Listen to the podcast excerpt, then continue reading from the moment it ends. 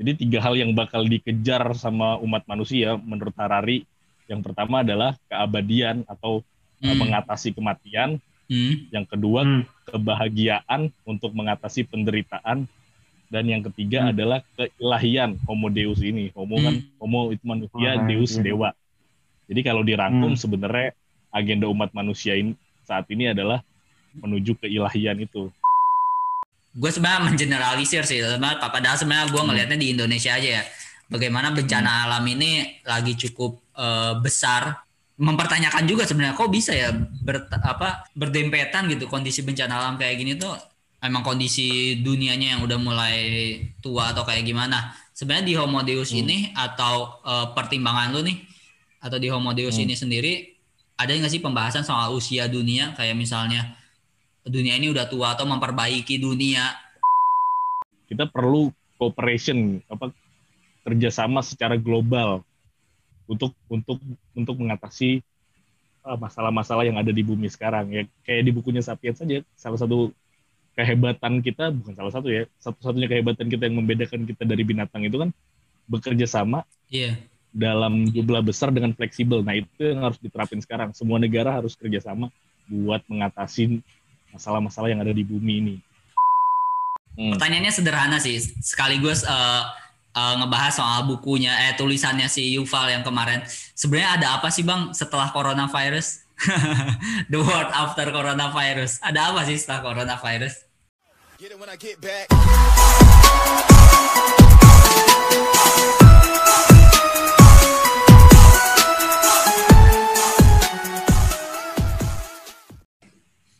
Selamat datang di Mapaba. Mari pada baca. Woi.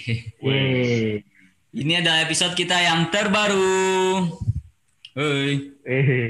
Woi. Oke, balik lagi dengan gua Rega dan Gondes uh, dan Bang Fadel. Woi. Ini kalau udah ada Bang Fadel nih, berarti pertanda Des. Kita bakal membahas pertanda. sesuatu yang yang daging kalau kata anak-anak zaman sekarang. Wah, elah. Lebay banget. kan yang gitu bang, yang isinya daging gitu, jadi nggak kan biasanya kita nggak nggak ngasih daging, bang ngasihnya apa ya yang kita kasih biasanya ada remah-remah. remah-remah. remah-remahan. Remah-remahan payet. Oke, ini uh, tadi udah jelas ya ada Bang Fadel. Berarti kita bakal bahas soal sains modern buku-buku sains modern. Mm -hmm. nah uh, penceritanya Bang Fadel tentunya di sini pemandunya gua sama Gondes. Uh, kita bakal bahas buku apa nih Des? Bahas ya terkait zaman sekarang lah. Apa tuh? COVID COVID. Ya, banyak banyak. COVID wabah kalau di situ tulisannya wabah kan? Wabah, wabah. benar benar dia bahas algoritma. wabah uh, iya. Ada bahasan ini enggak perang. Bahas bahasan Donald Trump yang di ban Twitter. Gak Eh gokil banget ya. Trump bisa nyampe di ban Twitter. Ini udah itu cuy, udah berbahaya. Saking berbahayanya di ban mulu deh kayaknya Twitter tuh dendam banget ya sama Trump juga emang udah kacau banget. Nyampe pas udah lengser, pas banget lengser langsung di band. Momennya pas. Ya, jadi mas-mas biasa. Iya, ya udah udah udah udah. Waduh. Udah, udah, udah. Nah, uh, episode kita kali ini bakal ngelanjutin pembahasan dari trilogi Sapien yang dulu-dulu dulu banget. Kapan kita bahas Sapien ya bang ya? Kayaknya udah lama banget ya? Udah lama banget, udah lama banget. Udah lama banget. Enggak, nah ini iya. apa tuh? Wah korek, korek udah. mati nih. Bencana nih kalau korek mati. Oke oke oke. Ini gue ada korek nih bang. Jangan-jangan korek lu di betak gondes bang. oke oke ini sambil nunggu bang Fadel ngambil korek. Kita bahas dulu des uh, sedikit tentang buku yang mau kita bahas uh, kali ini. Ini bukunya Yuval Noah Harari. Dong. Apa tuh? Bahasa terminologi dong. Cara Aduh. bahasa. Homo artinya gay. Deus artinya baju, baju Deus anjir. Yang, yang tenar di kalangan TikTokers itu. Iya Deus. artinya dewa. Oh iya dewa. Berarti dewa yang homo. Manusia manusia dewa dong. Manusia dewa, manusia yang menjelma dewa. Mm-mm. Nah, ini karya Yuval Hmm. Noah Harari lanjutan dari buku Sapien. Nih, gua sempat Iya. baca sebenarnya Des eh, buku Homo Deus ini, cuman gak kelar karena tergoda sama Lu buku lain. mana? Nyampe halaman? Kata Dikit. pengantar. enggak, enggak ada kata pengantarnya kebetulan. Dikit banget cuy. Nyampe halaman 120 doang. Baru ma- masih pembahasan bab 1. Jadi di Homo Deus ini pun ada tiga bahas, ada tiga bahasan deh. Tiga bab juga. Ah, Ini karena lu belum baca ya, jadi gua kasih tahu nih. gua belum baca gua. Yang Belum bagian juga pertama gua. itu Homo sapien melakukan dunia. Yang kedua itu Hmm. Homo sapien memberi makna bagi dunia dan yang ketiga itu Homo sapien kehilangan kendali. Hmm. Nah, ini gue Oh, udah, penasaran itu juga ya. nih. Ah, Bang Bang Bang Fadel ini ada sapien lagi tuh. ah, Bang Fadel ini ada hajat apa sih sebenarnya eh, apa ngajakin bahas Homo Deus? Hajat. Hajat ada hajat apa dong bahasanya aja. Ada lah pasti. Siapa tahu dia pengen mengkritik, Eh, siapa tahu ingin memprediksi dunia apa? memprediksi dunia. Dunia tuh nggak kayak gini. Iya, Ah, kayak Kan kayak ada sim. itu kan. Nah, Memprediksi dunia kan. Iya memprediksi eh, akan ke mana sih umat manusia selanjutnya gitu. Eh, Tapi menurut lu ke mana Des? ke depan. Gue kira mau ke Grogol. Agak jauhan. Palmera dong. Ada Palmera. tuh di Palmera? Mantap. Oke bang. Nah udah ada nih bang Fadelnya. Eh, Oke, sorry sorry. Ah, ya nggak masalah. Gimana gimana? Aman lah ya sekarang korek udah dibalikin ya sama Gondes ya. Aman. Oke bang, nih sebenarnya gue penasaran sih bang, lu sebenarnya ada hajat apa nih bang? Eh, Tahu-tahu pengen nge- ngajak review buku Homo Deus. Eh, ya, yang pertama sih ya karena gue emang ini salah satu buku favorit gue sih Homo Deus nih. Soalnya pembahasannya ya cukup kena sama sama minat bacaan gue Hmm. dan gue rasa kayaknya sih eh, buat sekarang nih penting banget buat nih, karena topik-topik yang dibahas di sini bakal berkenaan banget dengan kehidupan kita ini selanjutnya Hmm. itu ya di masa depan kan kayak misalkan yang dibahas sama dia ada artificial intelligence terus ada rekayasa genetika dan itu sebentar lagi akan terjadi gitu di di, di, di kehidupan kita dan gue rasa penting sih untuk orang-orang aware dengan dengan topik-topik ini. Hmm, berarti emang bukan karena emang lagi kita lagi berada dalam kondisi-kondisi seperti itu ya bang ya? Kayak eh, pemanfaatan data, Ah, bukan sih leb- lebih ke kayak kan sekarang kominfo lagi gencar juga ya bang ya? Kayak lu dapat SMS dari kominfo mulai aktif nih. Data kita mulai dimanfaatkan sama kominfo untuk Hmm. komunikasi. Ada nggak sih kayak pemikiran-pemikiran ke situ sih bang? Eh, sebenarnya ada sih ya eh, soalnya dari kan ini dia bahas tentang algoritma artificial intelligence Ah, di mana kecerdasan buatan itu akan semakin pinter kalau semakin banyak data yang dia pakai. Nah itu bakal berkenan ke situ sih data-data kita ntar dimanfaatin buat apa aja sebenarnya. Dan itu menurut gua orang-orang harus pada aware. Tapi sekarang di di DPR tuh lah, eh, lagi dibahas tuh kayaknya hmm. RUU PDP perlindungan data pribadi. Ah, mungkin semenjak kasus Penting. yang WhatsApp itu ya bang ya? Ya itu juga termasuk kan ya kalau kita nggak aware dengan eh, apa eh, keamanan data pribadi kan hal-hal kayak gitu bisa dimanfaatin Hmm, hmm, ke hal yang buruk gitu kayak Hmm. Cam- Cambridge Analytica yang di Amerika Hmm, itu kan Ah, ngomongin data juga. hmm. Wah, gue belum nonton tuh Cambridge Analytica. Nonton di Netflix judulnya The, Donald Trump kan? Iya. Iya. Ah, oke oke oke oke.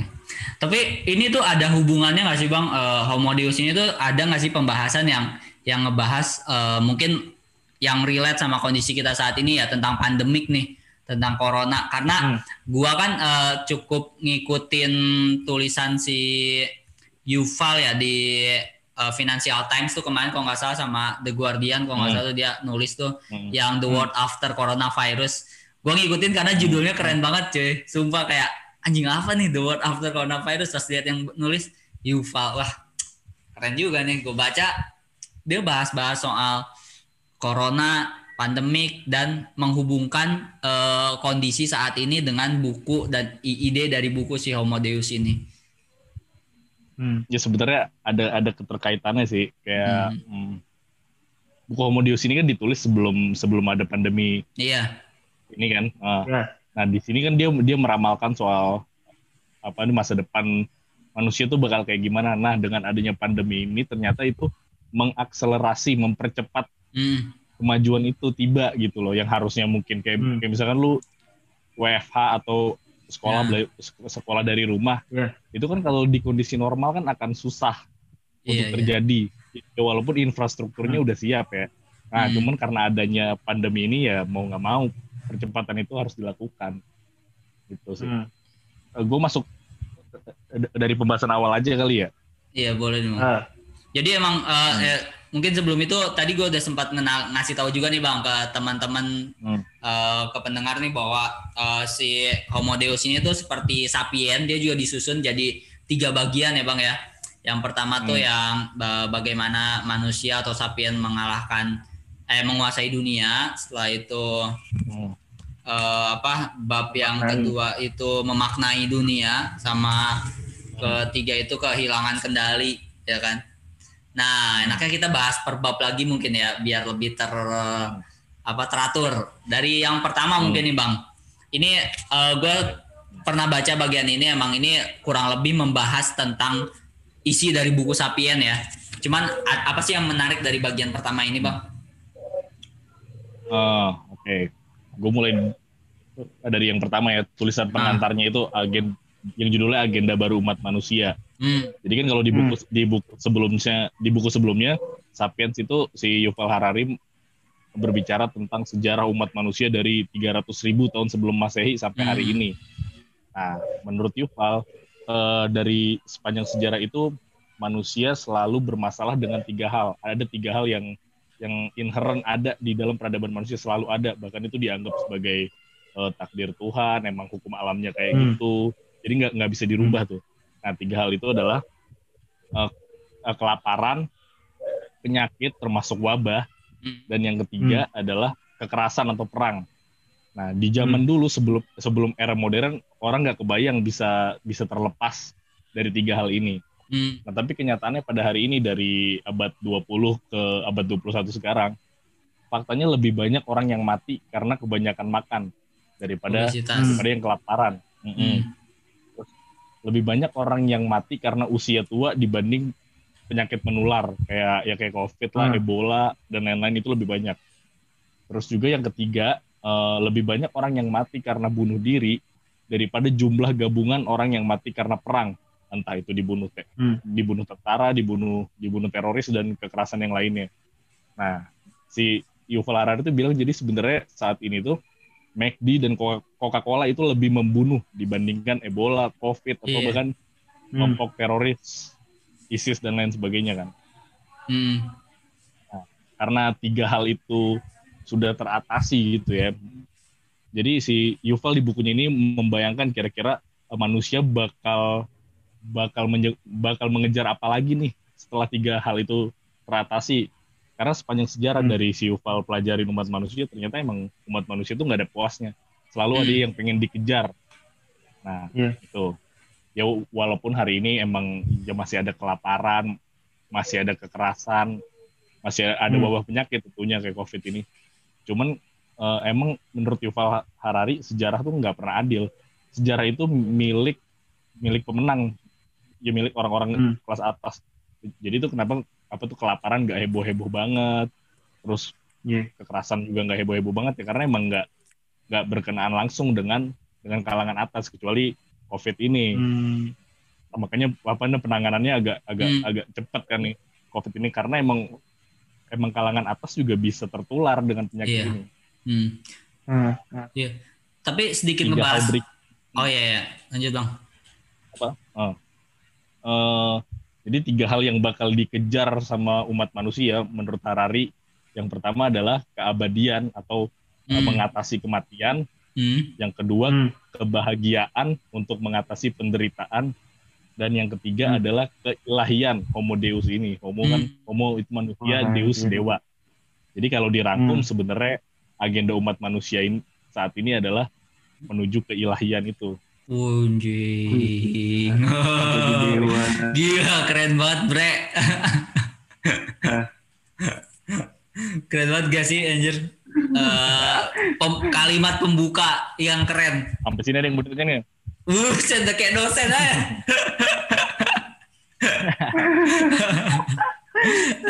ada gue bang, ada. Jadi eh ada ada gue. Dan tadi kan eh, sempat ngebahas soal si hmm, si coronavirus ini ya. Mm. Hmm.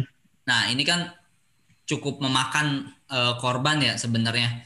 Dan dan tadi Hmm. kan di- disebutkan bahwa ya dunia tuh udah mulai eh, oke mulai mulai bisa menaklukkan masalah penyakit dan mulai bisa menyelesaikan masalah eh, perang dan segala macamnya. Tapi gua ngelihat kok dunia panik ya. Maksudnya tuh eh, kok kok dunia panik ya dengan coronavirus gitu. Maksudnya Hmm. Eh, tadi kan disebutkan bahwa McDonald, KFC itu lebih membunuh daripada virus. Tapi Mm. dan dan dan dan ya seolah-olah Yuval ini mau menyebutkan bahwa dunia tuh sudah siap dengan virus apa pun gitu. Eh, Yuval menyebutkan bahwa Hmm. dunia tuh udah siap dengan penyakit. Kita, kita udah bisa mengalahkan penyakit. Tapi ketika mula eh, coronavirus ini muncul, lah kok dunia panik ya gitu. Du- dunia nggak nggak nggak nggak benar-benar gitu, kayak cepat belum gitu. Iya, seolah belum siap. Hmm. bahkan untuk setara Amerika pun seperti itu, bahkan untuk setara Cina pun seperti itu. Gue kemarin kan habis bahas ini ya apa eh, Wuhan eh, diary, Wuhan diary dari penerbit Erlangga tuh. Dia ngebahas soal eh, bagaimana kondisi di Wuhan eh, ketika awal coronavirus sampai eh, mencapai nol nol apa nol angka penularan dan itu ternyata Mhm. pemerintahnya pun panik gitu. Bahkan sampai eh, tidak tidak bersifat transparan kepada masyarakatnya. Oh iya iya. benar. maksudnya itu jadi bukan bukan negara berkembang doang loh yang panik dan dan gak siap. Tapi Hmm. ternyata negara maju juga nggak nggak nggak terlalu siap juga. Menurut lu gimana tuh bang? Eh, Nah, emang emang ya kalau dibilang dunia ini panik, ya bener panik. Karena hmm, gue sepakat dengan dengan pendapatnya apa namanya, Karl Marx kalau ekonomi itu penggerak segala peradaban lah. Pokoknya Hmm. dasar dari Hmm. semua peradaban itu ekonomi. Dan coronavirus ini menyebabkan eh, ketidakstabilan ekonomi, ekonomi goyang Hmm. semuanya. Nah, itu makanya kenapa eh, menurut gue jadi dunia ini heboh banget semuanya. Eh, tapi catatan yang menarik bahwa eh, penemuan vaksin itu biasanya makan waktu lama banget karena butuh riset dan Ah, lain-lain iya itu sih. itu risetnya yang lumayan panjang bisa 10 sampai 15 tahun. Vaksin polio, vaksin smallpox, cacar itu pengembangannya lama banget. Nah, tapi berkat kemajuan teknologi dan ilmu pengetahuan te- te- tentang biologi, terus tentang algoritma, AI dan lain-lain, sekarang Ah. nggak sampai satu tahun vaksin udah keluar loh. Itu itu pencapaian besar umat manusia menurut gue. hmm, Hmm. iya ya sih walaupun emang eh, Hmm. emang rada panik cuman ya kita setahun udah keluar vaksin dan biasanya wabah itu berlangsungnya lama gitu ya kalau lu se- apa lihat sejarah kayak misalkan Spanish flu bisa sampai tiga tahun Iya. apalagi kalau zaman dulu ya Black Death itu bisa sampai Yoi, iya Ah. bertahun-tahun nah ini tahun-tahun setahun kita udah udah nemuin vaksinnya dan mungkin eh, tahun depan mungkin udah udah lumayan beres nih pandemi Hmm. Tapi itu Hmm. kalau disuntik vaksin sembuh ya bang ya, bukan jadi Titan. Sih. Nah itu kan si si si Yuval Harari itu bikin video singkat gitu tentang vaksin. Oh Dan, dan menurut Eh. dia sepanjang sejarah manusia penemu penemuannya kan ada banyak tuh ada penemuan Ah. roda, penemuan api, penemuan tulisan. Menurut Yuval Harari penemuan terbaik umat manusia itu vaksin. Katanya Hmm. gitu di. YouTube-nya. Hmm.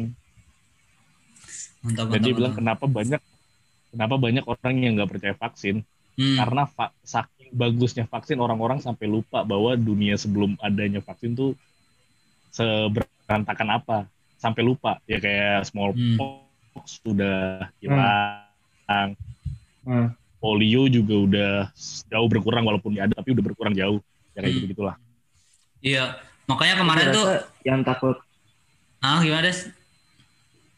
Ya yang takut vaksin gue rasa tuh ngeri akan dampaknya gitu bang bukan takut ini tuh apa atau baik atau enggak cuma takut wah ini ntar berdampak seperti apa gitu bukan keberhasilan Hmm. vaksinnya malah gua rasa sih. Hmm. Ya sebenarnya kan eh, ya nature dasarnya ya manusia banyak orang yang takut sama hal yang dia nggak tahu dan dia Iya, benar. mungkin Iya. kebanyakan kebanyakan orang tuh nggak tahu vaksin tuh apa entah dimasukin zat apalah atau apalah kan sebenarnya Hmm. ya lu dimasukin vaksin juga vaksin nggak bakal menetap gitu di di badan lu dia cuman intinya kan vaksin tuh isinya virus dan dia tuh ngajarin antibodi lu buat ngelawan virus itu Hmm. Intinya- intinya cuman kayak gitu aja cuman Hmm. karena banyak orang nggak paham jadi vaksin tuh dianggap seolah-olah benda asing yang yang dimasukin ke dalam badan bisa beracun atau apa dan lain-lain ya walaupun memang ya ada sih beberapa kasus cuman kalau dihitung persentase mungkin cuma 0, sekian persen kali yang Hmm. yang ada pengaruh buruk Nah, Iya. Bahkan kemarin juga kan sempat dibantah tuh sama Najwa Shihab. Gue suka banget pas dia posting di Instagram yang ngebantah yang anggota DPR itu loh, yang anggota DPR Hmm. Ngomongin soal kasus-kasus vaksin yang kaki gajah, terus yang polio, yang campak, yang katanya terus dibantah sama Najwa Shihab. Wih, gila keren banget sih Hmm. itu. Bantahnya pakai data pula kan, wih mantap. ya itu dia emang Hmm. ya, ya kalau kita mm, apa ya eh, masuk ke ke buku ini lagi gitu ya kan ada Ah. tiga hal tuh tadi yang yang Hmm. yang yang selalu ada di di peradaban manusia kelaparan wabah penyakit dan kekerasan atau perang nah Hmm. biasanya kan itu selalu identik mm, apa zaman dulu ya biasanya orang mikir oh ini emang udah udah udah hukum alamnya kayak gini udah pasti ada Hmm. dan nggak bisa dicegah nah tapi hari ini tuh ketiga hal itu kalau terjadi misalkan ada kelaparan di Zimbabwe itu yang salah bukan Tuhan atau bukan hukum alam tapi ada ada manusia yang nggak kompeten orang-orang politik yang nggak kompeten nggak kompeten sampai rakyatnya bisa kelaparan Ah, iya.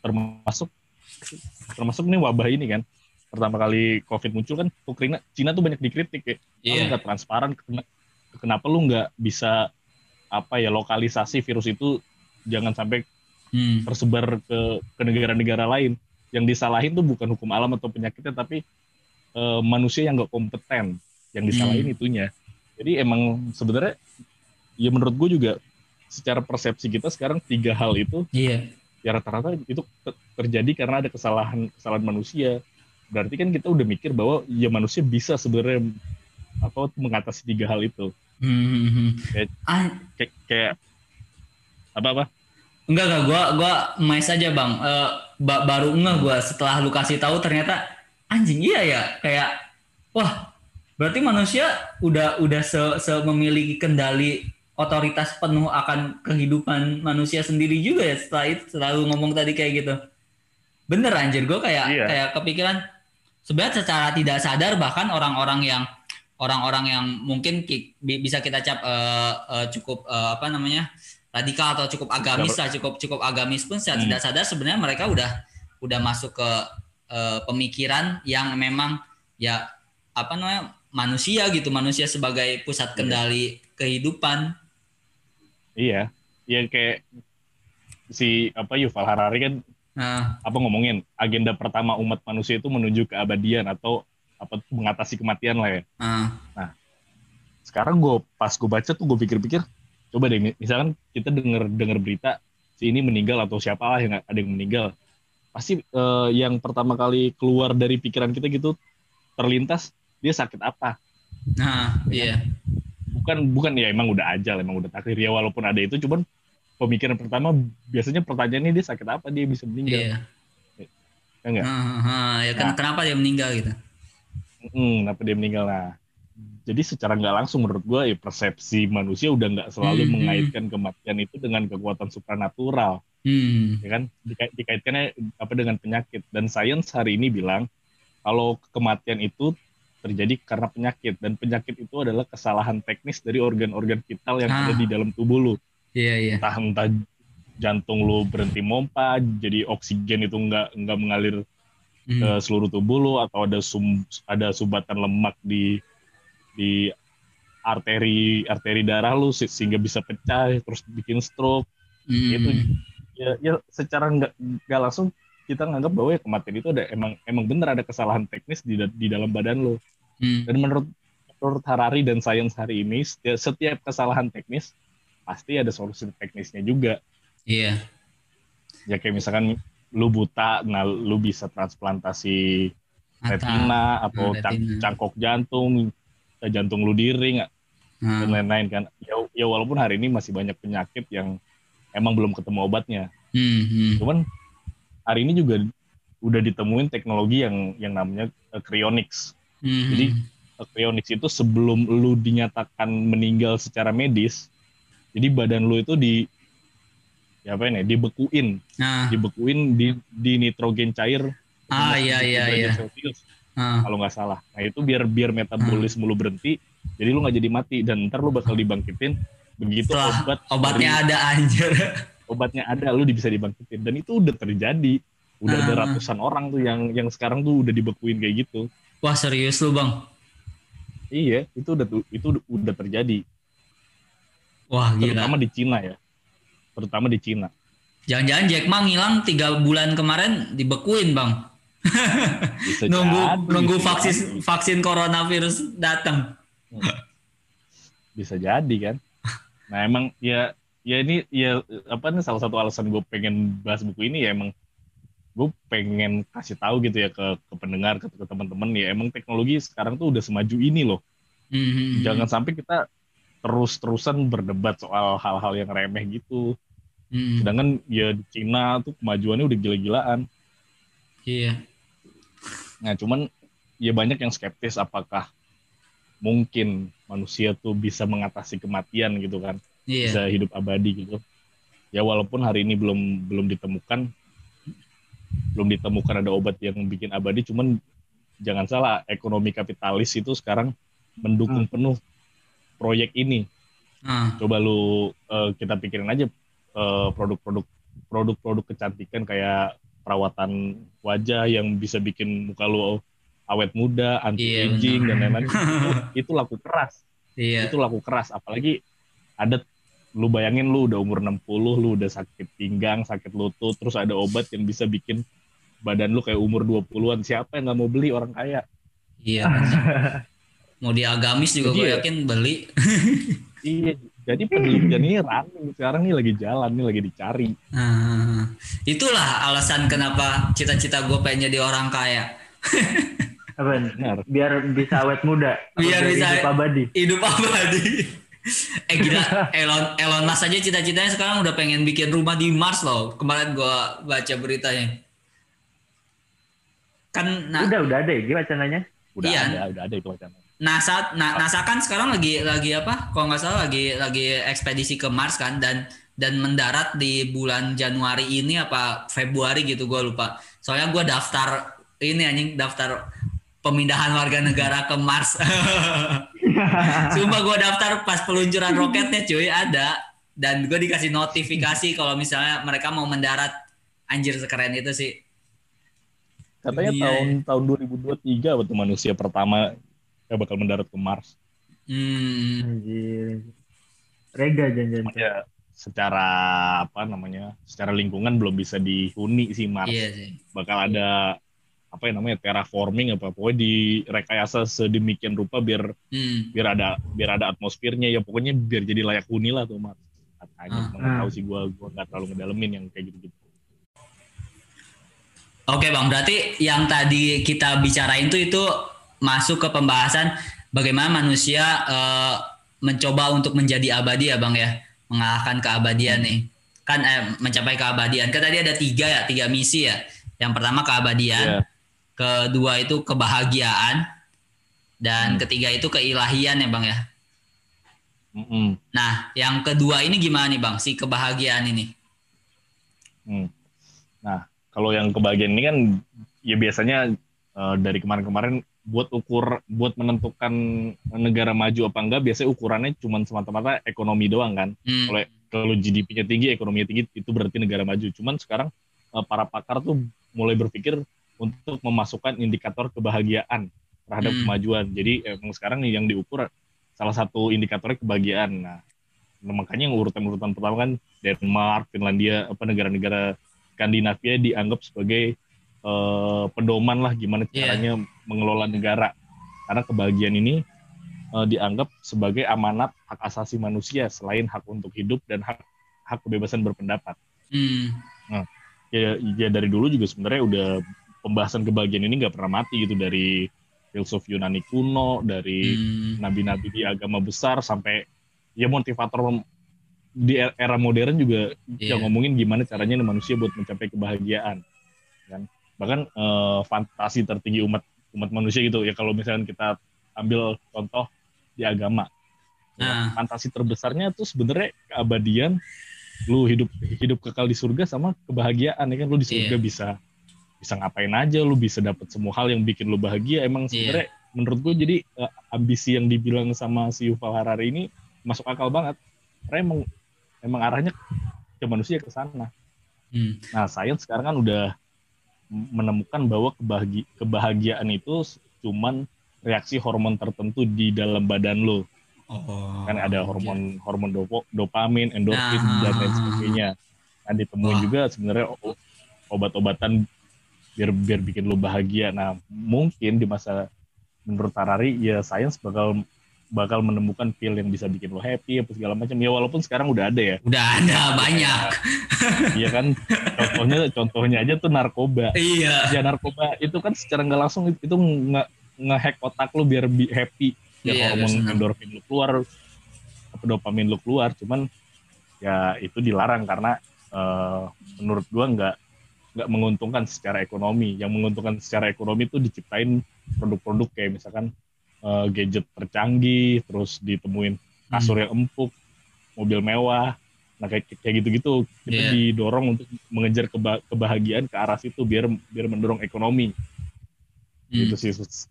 Tapi Kalau kalau eh, apa kalau misalnya tadi eh, yang lo omongin ya bang ya, kalau misalnya kita bandingkan atau sandingkan sama eh, kondisi masyarakat ya bang ya, ini Hmm. coba ini ya karena gue bercerminnya sama Indonesia mungkin ya karena emang Yuval ini ini mungkin ya yang menjadi eh, pemikiran yang agak kurang percaya diri sama orang-orang Indonesia ketika membaca buku Yuval ya karena Hmm.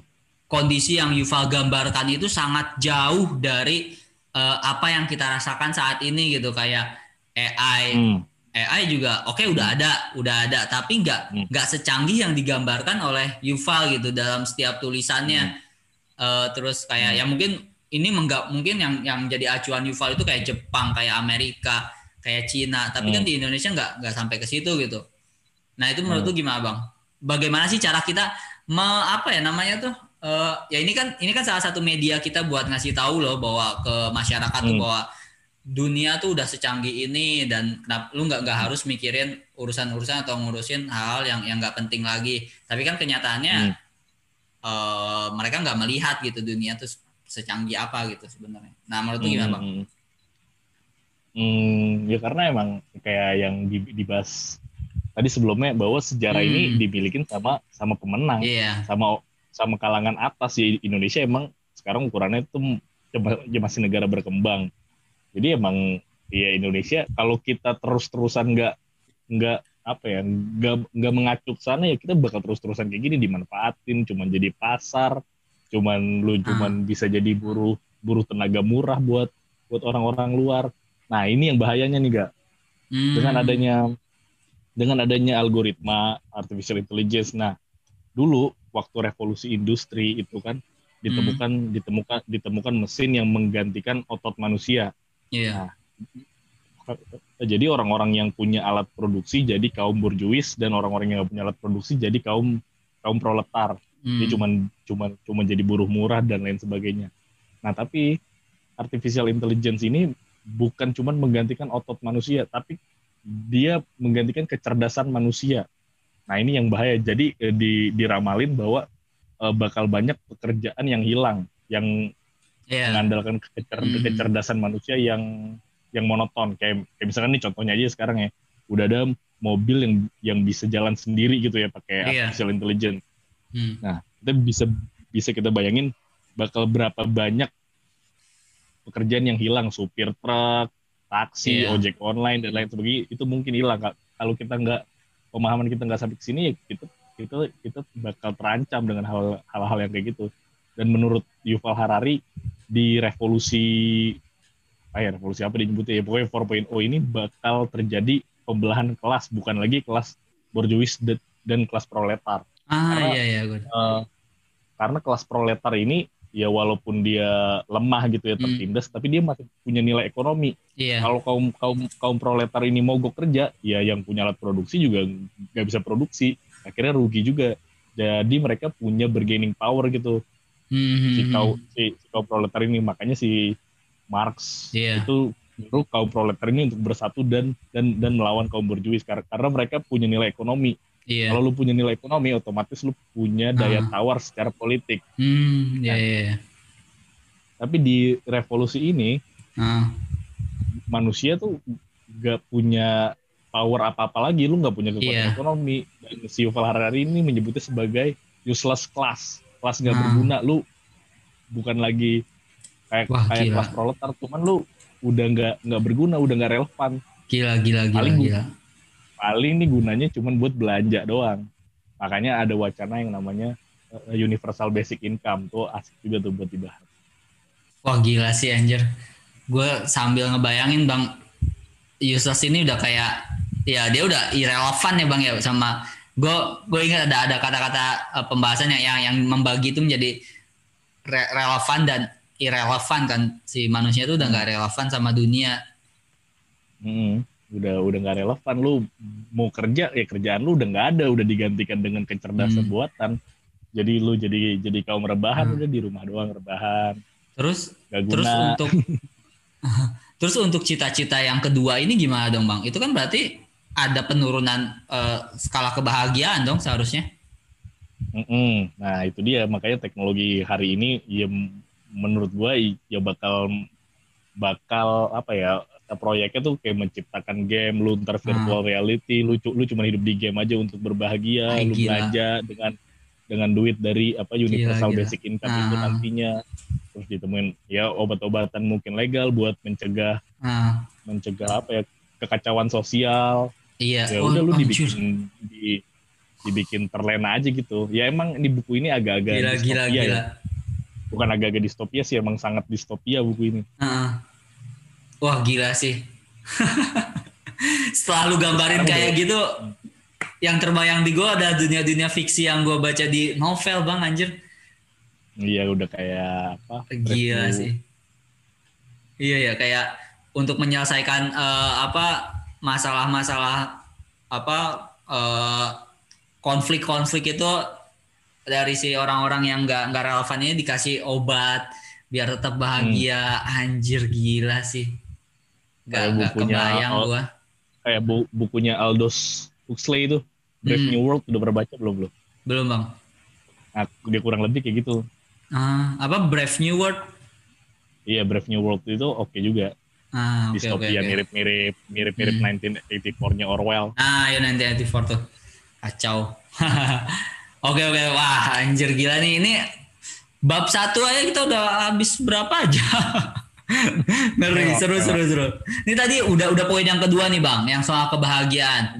Sekarang poin ketiga nih bang, mencapai keilahian. Ini lebih absurd lagi nih, enggak? Ini dari tiap step ini semakin absurd ya, semakin nggak kebayang di otak gua. Nah. yang ini gimana nih bang? Hmm. ya sebenarnya untuk lu mencapai keabadian dan kebahagiaan itu mensyaratkan lu menjadi menjadi apa ya menjadi ilahi lah gitu ya Hmm, hmm. jadi ilahi Hmm, cuman ya dibayanginnya jangan ilahi kayak Iya. Tuhan di agama di, di agama monoteis yang maha kuasa ya lu bayangin Hmm. aja dengan dewa-dewa kayak Zeus yang punya punya kekuatan super cuman yang masih punya kelemahan juga bisa bisa jatuh cinta lu bayangin kayak Nah. Hercules, Thor, Loki kayak gitu-gitu kayak ya dewa-dewa zaman pagan dulu Hmm. dan manusia mungkin akan seperti itu kayak misalkan sekarang ada teknologi yang namanya CRISPR kan lu bisa eh, merekayasa genetika lu nah padahal gue ambil contoh gini uh, simpanse sama sama manusia itu genetikanya cuma berbeda 1,4 atau atau 1,6 persen gitu. Iya iya iya. Tapi itu perbedaan kecil itu bisa menghasilkan jurang jurang jurang Ah. pemisah yang jauh banget kan. Kayaknya kayaknya kita jauh banget nih sama simpanse. Ah, ah, ah. Gimana kalau rekayasa genetika ini bisa mengganti kode-kode DNA kita berapa persen? Nah mungkin banget bakal ada manusia-manusia super yang dia bisa organ tubuhnya bisa lebih awet atau lebih apalah pokoknya dia punya kekuatan yang yang lebih super yang yang mendekati dewa homo, Ah. homo deus tadi itu. Nah Anjir. seperti Yuval Harari ada ada tiga cara buat buat manusia mencapai ke keilahian. Yang pertama rekayasa Hmm. biologis. Yang tadi gue bilang kayak lu bisa rekayasa genetika lu kayak gimana, lu mungkin bisa lompat lebih tinggi. Dan sekarang itu mungkin di Cina kemarin udah ada bayi yang direkayasa dia kebal sama HIV Hmm. Dan mungkin di kemudian hari bakal ditemuin apa rekay- rekayasa rekayasa genetika yang yang lebih aneh-aneh lagi pada manusia. Sekarang itu udah diterapin ke binatang, udah dibikin ikan yang bisa nyala, babi yang ukuran lebih kecil, anjing yang lebih berotot dan itu mungkin sebenarnya diterapin ke manusia secara teknis ya. Ya walaupun Hmm. secara etis tuh masih masih perdebatan lah di jadi kalangan ilmuwan. Nah, cara yang kedua adalah eh, cyborg ya cyborg ini ya dicampur lah kayak uh, organ biologis kita dicampur dengan bahan-bahan inorganik lainnya kayak misalkan kayak Stephen Hawking mungkin bisa disebut cyborg juga kan tuh dia Iya mau iya benar benar. robot benar. Ah. kayak misalkan sekarang lu apa nih tangan lu buntung itu kan bisa diganti pakai tangan sintetis dan lain Iya. sebagainya dan mungkin aja misalkan lu sakit jantung ya, ya jantung lu diganti jadi ja- jadi jantung sintetis yang Hmm. Ya pakai mesin dan itu kan Iya. pasti dia bakal bakal lebih kebal dengan penyakit Jadi ganti Nah, pakai mesin cara- Lambo ya bang ya. Kenceng banget gila. ngebut Lanjut bang. Dan cara yang ketiga Ah. cara yang ketiga adalah rekayasa non organik nah ini yang agak ya masih agak bingung sih kalau lu Hmm. ikutin apa perdebatan apa di science kayak kita nih hidup di di dunia simulasi atau emang ben- emang beneran beneran di dunia nyata. Nah ini masih perdebatan sih. Cuman eh, intinya rekayasa non organik itu lu bisa upload pikiran lu nih. Kan pikiran lu kan nih adalah algoritma ya. Nah itu diupload ke dalam dalam ke dalam komputer atau ke dalam robot atau ke dalam apalah sehingga lu bisa hidup abadi di situ. Lu bisa punya kekuatan yang abadi di situ dengan pikiran lu. Nah itu itu rekayasa rekayasa non organik Gila udah kayak Sword Art Online anjing. Wah gila bang, ini obrolan kita nih ya bang ya. Gua gua pikir-pikir obrolan kita nih kalau nggak ada sumber bukunya ini kayak obrolan dua orang gila anjing. Ngawang Halu, halu. banget. Iya, bocah halu anjing. Kalau nggak ada kalau bukan karena penunjang buku Yuval Noah Harari, ngomongan orang-orang halu nih ngawang banget anjir. orang yang ngedengerin juga kayak ini ngomongin apa sih?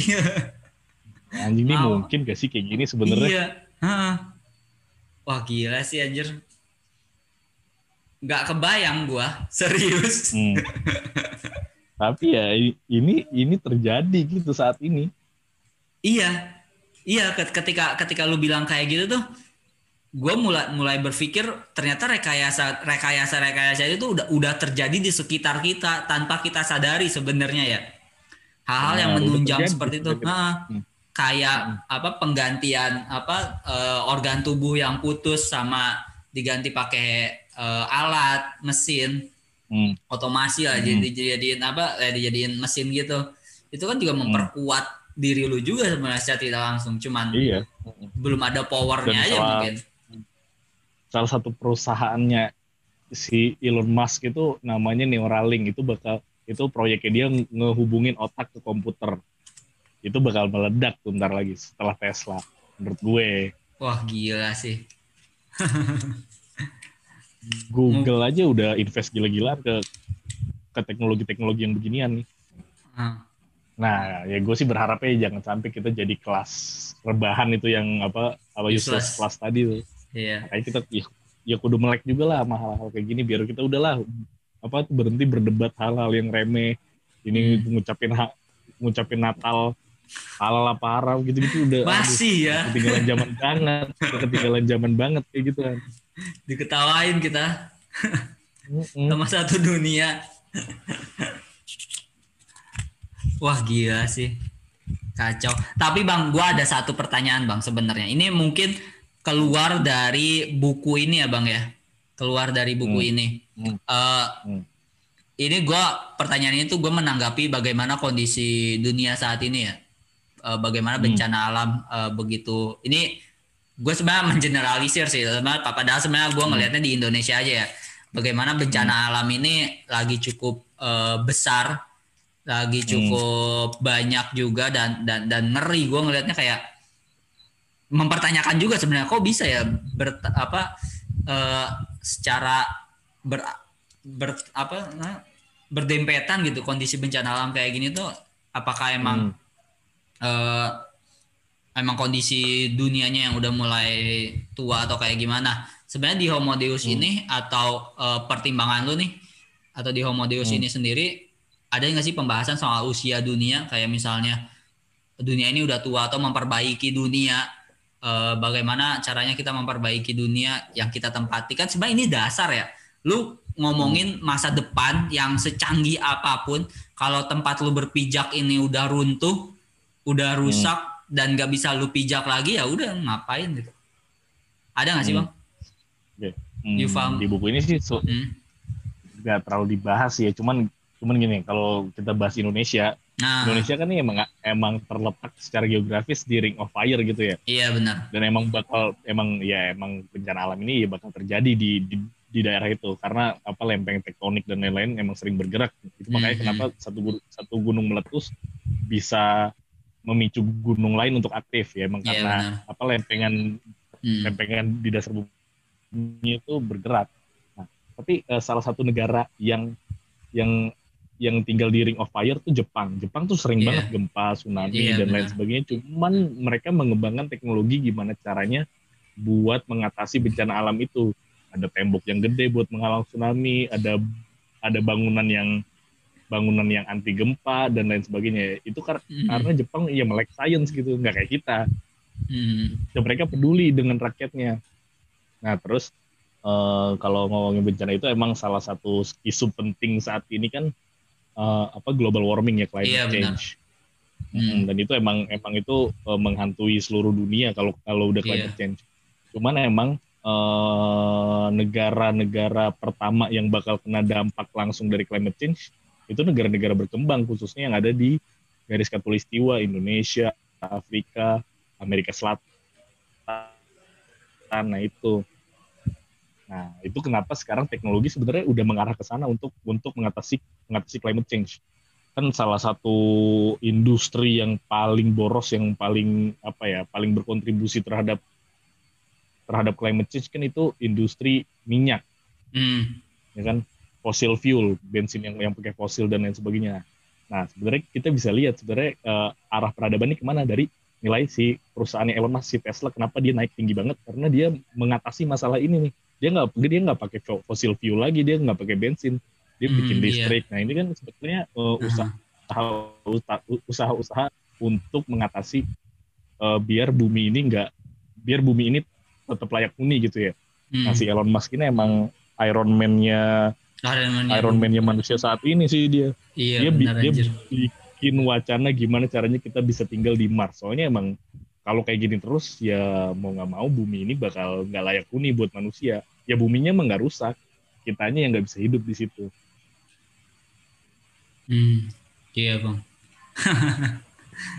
Gila. Ya itulah. Gue juga berpikir eh, makanya tadi dari pembicaraan kita tuh kayak anjing ini masa depan banget gitu. Nyampe nggak ya? Hmm. Ditambah dengan bagaimana ya bagaimana isu-isu apa eh, kutub selatan yang mulai Hmm. mencair ya kan.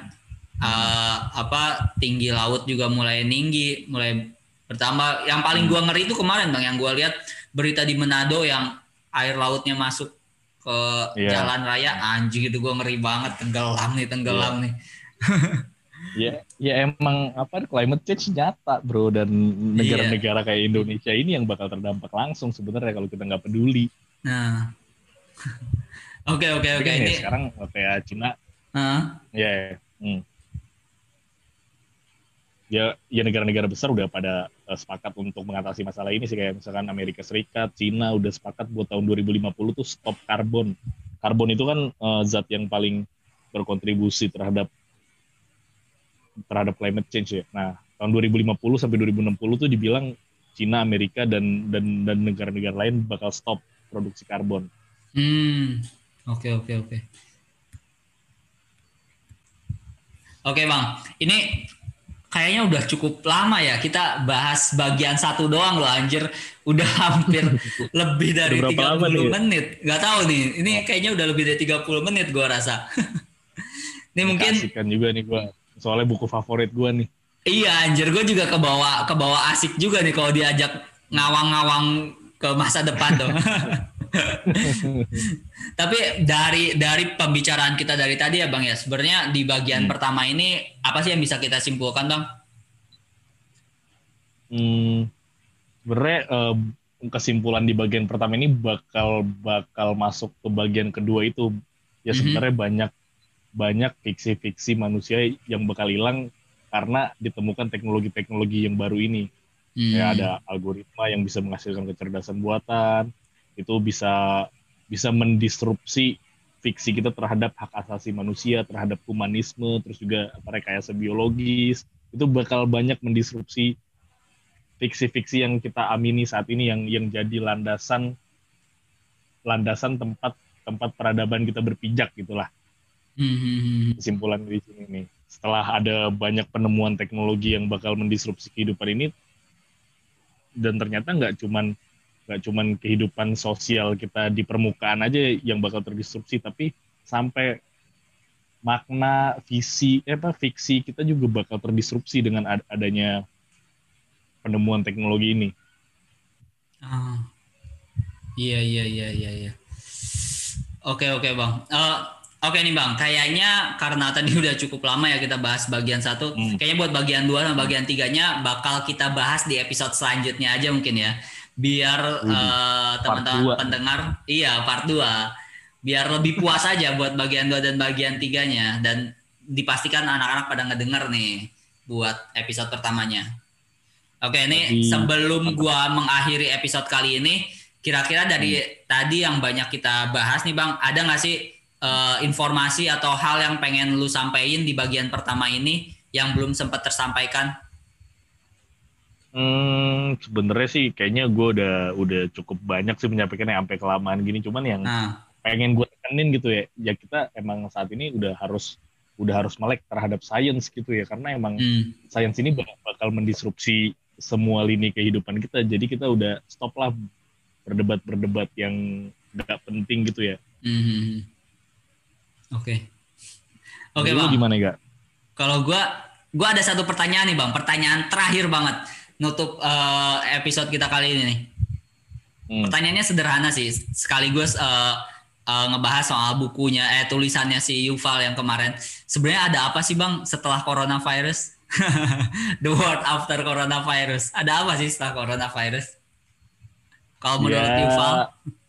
Kalau ya menurut Yuval ya yang ramalan-ramalan prediksi-prediksinya ah. ini bakal lebih cepat bakal lebih cepat terjadi gitu dengan adanya dengan adanya pandemi virus corona ini kalau menurut dia dan dan uh, satu hal penting yang di tulisan itu ya di artikel ah. itu gue juga baca bahwa uh, gimana ya hmm, peradaban ini kan biasanya tuh mengatasi masalah-masalah kecil kayak misalkan nih contoh di di peradaban Cina zaman dulu Mm-hmm. Dia kan hidup di sepanjang sungai. Nah, kalau misalkan sungai itu ada gangguan, dia harus bekerja sama dengan kampung sebelah untuk me, mem, membenarkan sungai itu, misalkan ya, misalkan. Nah, mm. jadi itu dia bersatu. Nah, isu-isu isu-isu global saat ini kayak kayak climate, kayak climate change, coronavirus itu nggak bisa diselesaikan sama satu negara aja gitu. Lu Cina gitu, misalkan Cina negara yang superpower sekarang dia ngotot buat uh, ngebenerin coronavirus sama climate change. Dia nggak bakal bisa sendirian. Kita perlu cooperation apa kerjasama secara global untuk untuk untuk mengatasi uh, masalah-masalah yang ada di bumi sekarang. Ya kayak di bukunya Sapiens saja salah satu kehebatan kita bukan salah satu ya satu-satunya kehebatan kita yang membedakan kita dari binatang itu kan bekerja sama. Iya. Dalam jumlah besar dengan fleksibel. Nah itu yang harus diterapin sekarang. Semua negara harus kerjasama buat mengatasi masalah-masalah yang ada di bumi ini. Hmm. Positifnya gitu. Oke Keren. oke bang. Nah, gue sih da- dari yang gue dapat pas baca itu sebenarnya uh, si Yuval itu kan ada ngasih gambar ngasih ini ya ngasih contoh bagaimana Cina kalau nggak salah yang dicontohin tuh bagaimana Cina uh, mulai melakukan atau memberikan aplikasi spy kayak spy gitu ya kalau nggak salah tuh. Mm, benar. Jadi Mm, mm. dia tuh tahu bagaimana aliran darah atau eh, apa namanya eh, ya intinya tuh kondisi fisik eh, seseorang warganya itu buat tujuannya tujuan awalnya untuk mencari tahu dia terjangkit corona atau enggak. Tapi di Iya, di benar. situ tuh di tulisan itu Yuval mulai eh, mengawang ke kemungkinan-kemungkinan yang akan terjadi kan. Yuval bilang ya kalau Hmm. misalnya lu tahu, kalau misalnya pemerintah udah mulai tahu lu terjangkit corona atau enggak, berarti kan pemerintah udah tahu bagaimana aliran darah lu, detak jantung lu, Iya. eh, apa ya, Biometrik. ah, biometrik sekujur tubuh lu gitu.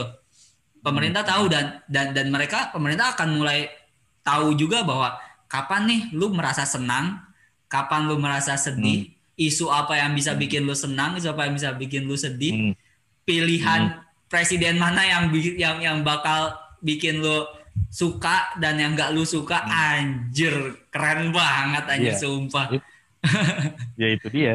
Dengan gila adanya teknologi ini, kalau kita nggak melek, kan untungnya Nah. kita masih hidup di iklim demokrasi. Kalau kita Nah. nggak melek, mungkin banget teknologi-teknologi ini Nah. dimanfaatkan oleh segelintir orang untuk keuntungan kelompoknya Iya. dia doang. Heeh, Nah itu ya makanya kita juga kudu melek nih, kita kudu pantau nih heeh. gimana pergerakan pemerintah dan lain sebagainya. iya Jangan gila sampai ya mereka overpower. iya wah parah apalagi kalau kalau- kalau di negara komunis kayak Cina ya berarti kan seenggaknya mereka tahu bagaimana kalau misalnya presidennya lagi pidato nih ada ada yang Hmm. ngerasa marah sama pidato itu ya kenal lah tembak langsung kali Iya. Mm, mm, itu bah ya itu salah satu bahayanya. Iya, wah gila sih. Dan itu terjadi right now kan sekarang kata, kata si Yuval itu di Terjadi. Cina itu udah udah di udah dioperasiin gitu. Dan itu belum pakai biometrik ya. Nah, itu eh, data-data pribadi kita tuh di, dikumpulinnya ya lewat aktivitas kita di sosial media, le- lewat hmm, aktivitas kita di di gadget lah intinya. nah, Dia cuman memantau eh, perilaku kita. Dia belum sampai masuk ke dalam belum masuk ke dalam ke dalam badan kita. Dia belum Hmm. belum sampai ngukur tekanan darah lu, terus Hmm, pupil lu hmm, membesar hmm. apa apa mengecil belum sampai situ. Tapi akan sampai situ menurut Iqbal. nah. Oke oke bang. Itu bahaya. Ya. Hmm. Ini pertanyaan terakhir tapi panjang juga ya. oke oke bang. Ini Seru banget emang nih. parah sih seru banget. Hmm. Oke oke. Ini serius nih gue udah udah kita udah selesai nih kita tutup untuk episode kali ini. Eh, terima kasih buat Bang Fadel. Nanti kita lanjut pembahasan sama-sama. Homo Deus karya Yuval Noah Harari ini di episode selanjutnya, oke? Eh, terima kasih Bang, Oke. Eh, terima kasih juga buat teman-teman yang udah ngedengerin eh, episode kali ini dari awal sampai akhir. Eh, semuanya ngedengerin, mau nggak ngedengerin juga terima kasih. Eh, terima kasih, selamat membaca. Yo, thank you. Yuk.